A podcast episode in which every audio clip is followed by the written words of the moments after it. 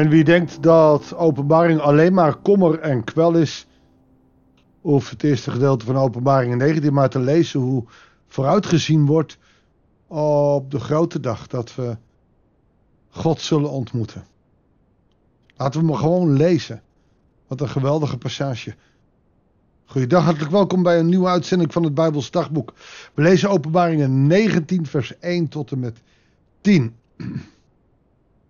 Hierna hoorde ik in de hemel een geweldige stem als van een grote menigte zeggen.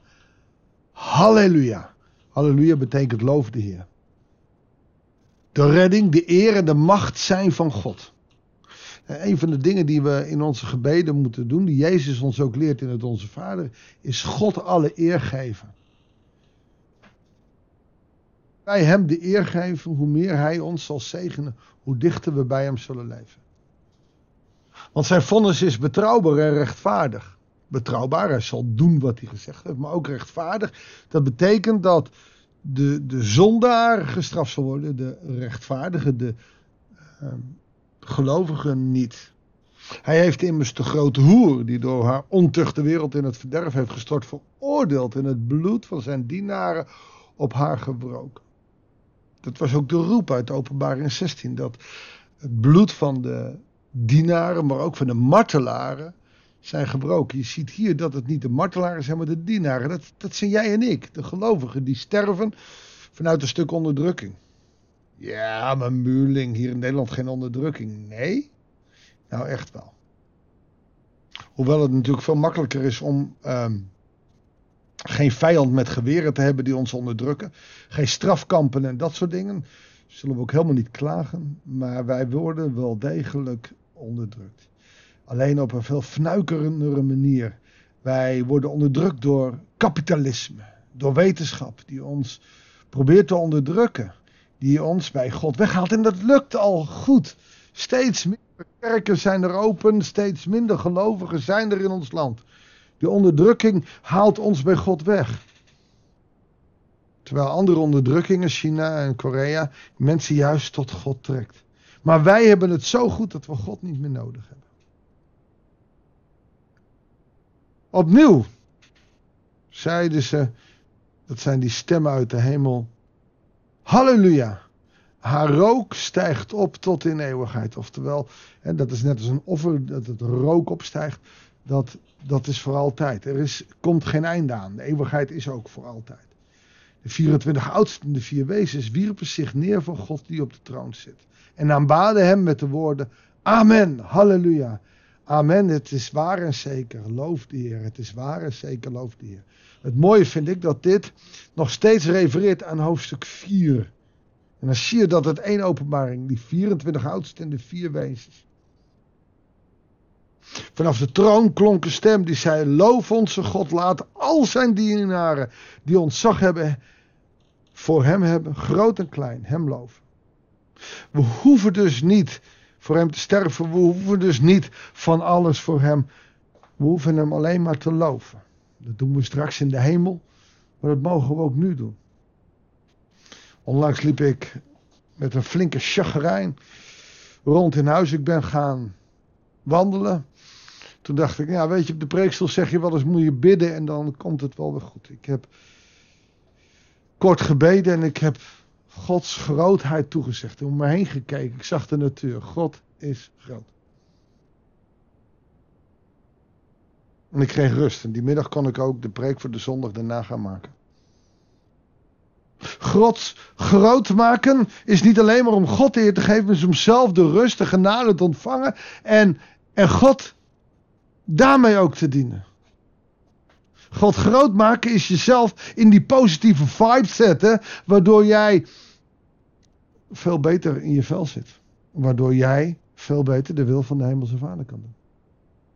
God loven ook in de diepst van je ellende, wat je leest in de psalmen, ik zal God toch nog loven, is een voorbeeld die we zouden moeten volgen. Want hoe harder wij God loven, hoe meer we gericht staan op Hem, hoe meer we open staan voor Zijn zegeningen en hoe meer we die ook zullen erkennen. Halleluja, lof zij de Heer. toen hoorde ik iets als een stem van een grote menigte, van geweldige watermassa's en, en krachtige donderslagen. Zeggen halleluja. Heb je wel eens bij een waterval gestaan? Dat is oorverdovend. Als je dan weer naar uh, wegloopt en, en erbij weg bent, soms een hoek om, dan hoor je het water niet meer en dan komt die enorme rust. Nou, zo krachtig als een watermassa, als een uh, waterval, zo krachtig klinkt uit de hemel het halleluja. Het doet mij denken aan waar we de komende weken uh, veel in de kerken uit zullen horen. Dat is het ere zij God van de engelen bij de herders. Ze deinzen achterover, het waren geen watjes. Maar ze deinzen achterover, want het leger van de Heer, die geeft God alle eer. Halleluja. De Heer, onze God, de Almachtige, heeft het koningschap op zich genomen. Een van de weinige keren dat er in het Nieuwe Testament uh, El Shaddai staat. Alleen in het uh, Grieks is het Pantocratis. Meestal gaat het over machtige mensen, maar hier wordt God echt als almachtige. En dat doet hij ook als hij. Hè, zijn almacht is beknot door hemzelf bij Noach. Hij kan de hele wereld vernietigen, maar hij zegt dat doe ik nooit weer. Hier vernietigt hij de wereld, maar redt hij de rechtvaardigen, omdat hij het volledige koningschap op zich neemt. Als straks de nieuwe hemel en de nieuwe aarde komen, kunnen er geen engelen meer vallen. Zullen er geen demonen zijn. Dus dat eindsignaal is gewelddadig, is, is groots, is indrukwekkend. Maar ook met de belofte dat hij zijn almacht weer helemaal tot zich trekt. Laten we blij zijn en jubelen. Laten we hem de eer geven. Want de bruiloft van het lam is gekomen. En zijn bruid staat klaar. Zijn bruid zijn de rechtvaardigen. Dat zijn jij en ik. En het lam dat komt zijn bruid halen. Oftewel, we zullen verenigd worden met hem. En zij mogen zich kleden in zuiver stralend linnen. Dit linnen staat voor al het goede dat gedaan is door de heilige. We mogen in zuiver wit linnen gaan. Uh, een doopjurk van een babytje is altijd wit. Vrijwel altijd. Traditioneel in ieder geval doopgewaad van iemand die volwassen gedoopt wordt, is wit als teken van het, het heilige, het goede, het hemelse. Toen zei hij, Jezus tegen mij, Johannes schrijf op, gelukkig zijn zij die voor het bruiloftsmaal van het lam zijn uitgenodigd. Nou, heb jij de uitnodiging al? Jawel, als je nee denkt is het wel.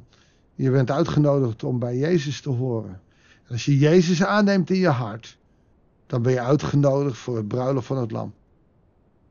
En hij vervolgde, Jezus vervolgde de profetie, wat God hier zegt is betrouwbaar. Dus dit is een soort stempel, het is betrouwbaar.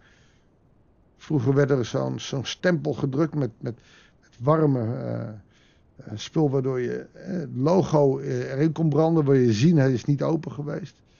Een zegel. Maar dit is het zegel. Wat God hier zegt is betrouwbaar. En Johannes zegt: Ik wierp me neer voor zijn voeten. Aan wie doet hij dat dan? Aan de voeten van de engel die dit doorgeeft. En die het hem laat zien. En deze zegt: Doe dat niet. Ik ben een dienaar zoals jij. Engelen staan op hetzelfde niveau. En zoals je broeders en zusters die van Jezus getuigen. Je moet God aanbidden. Want getuigen van Jezus is profiteren. Wauw. Alleen al deze laatste paar versen. Want getuigen van Jezus is profiteren. Ik hoor wel eens mensen zeggen: nee, maar profiteren kan ik niet.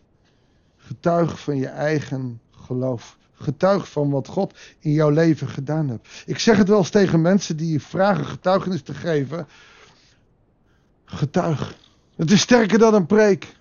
Want een preek is theoretisch en kan heel mooi zijn.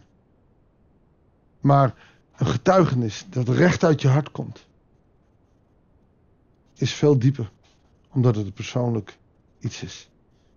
En daarmee zegt Johannes, oftewel de engel, het is nog eens profiteren ook. Profiteren is niet van, oh ik heb een beeld en ik zal, nee, getuig. Want daarmee getuig je van het koninkrijk dat op aarde gestalte krijgt. Zullen we gaan bidden?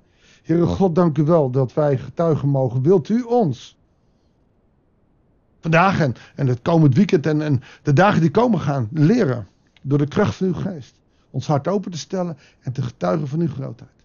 Zodat we profiteren, want deze wereld heeft u zo hard nodig. Leer ons daar niet in bescheiden te zijn, maar juist krachtig te getuigen dat u God bent, dat u de koning bent.